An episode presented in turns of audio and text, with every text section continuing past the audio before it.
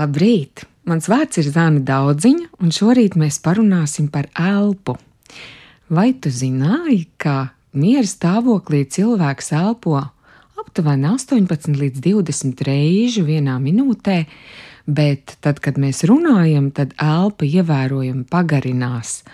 Ir ļoti svarīgi, lai elpa būtu lietota pareizi.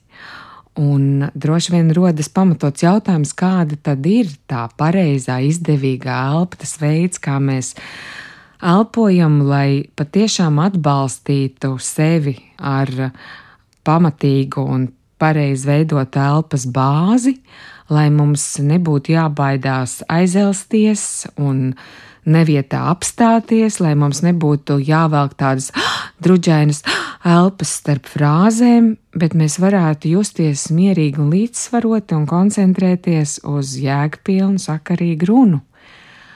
Ļoti būtiski šī iemesla dēļ ir apzināties, ka tāds labs runātājs no viduvēja runātāja atšķiras tieši ar to, ka savu elpošanu viņš var pārvaldīt nevainojami.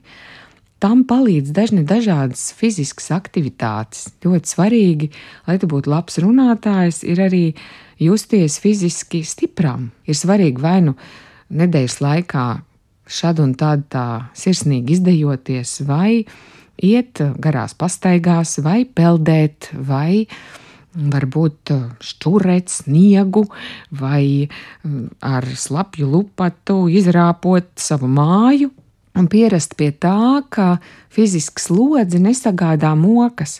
Jo cilvēkam, kurš ir fiziski vārgs, protams, runas process radīs lieku stresu, jo tas ir vienmēr tādiem neprofesionāļiem liels pārsteigums, ka es taču šausmīgi noguru pie tā mikrofona kaut ko tur teikdams, vai es tikai drusciņi, drusciņi parunāju, atbildēju uz kādiem intervētāju jautājumiem, un jau esmu pilnīgi slapju muguru nokusis un izmocījies.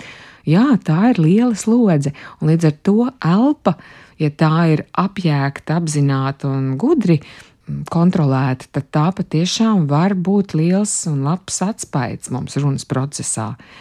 Šī iemesla dēļ ir vērts šad un tad aizdomāties par to, kā mēs ieelpojam un kā mēs izelpojam, un nonākt pie tā, ka es labi varu to regulēt ar savu prātu darbību, es varu dot eh, attiecīgus signālus eh, savam ķermenim un palēnināt savas elpas, eh, iespējami gāri elpot, lēni un iespējami dziļi. Man ļoti patīk reizēm atgādināt tādu vienkāršu patiesību, ka vispirmām kārtām mums ir jāpārvalda savs ķermenis un jāpārvalda elpošana, un tikai tad mēs varam cerēt, ka kontrolēsim pašu savu domu gaitu un um, varēsim kontrolēt apkārt esošo cilvēku uzmanību vērstu uz mūsu domu gājienu.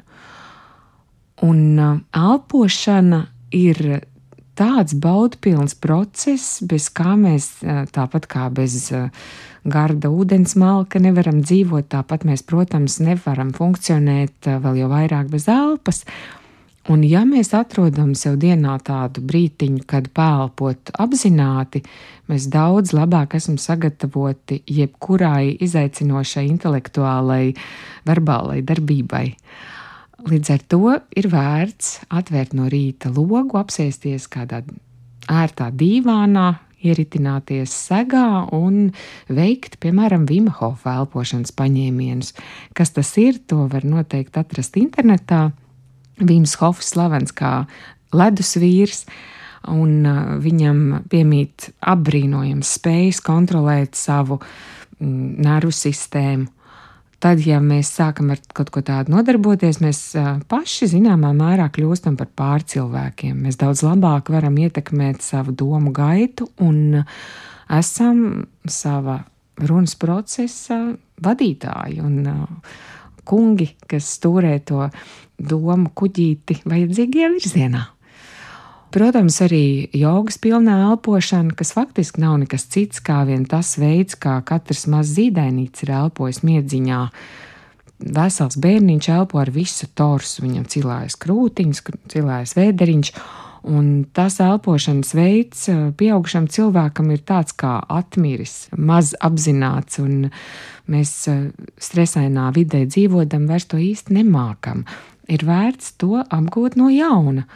Un tad jogas elpošanas paņēmiens, kad mēs vispirms jāelpojam dziļi, kā vēdera dzīvēs. Es saku, it kā, jo, protams, mēs neelpojam ar vēdru, bet ar plaušu dziļākajiem stūrīšiem un mēs pieelpojam pilnu krūšu kurvu un līdz pat it kā matu galiņiem. Tas elpošanas veids mūs ideāli apskābekļo. Mēs padodam kolosālu skābekļu devu savām smadzenēm, un tās nešaubīgi funkcionēs daudz labāk nekā tad, ja elpošana būtu atstāta pašplūsmā.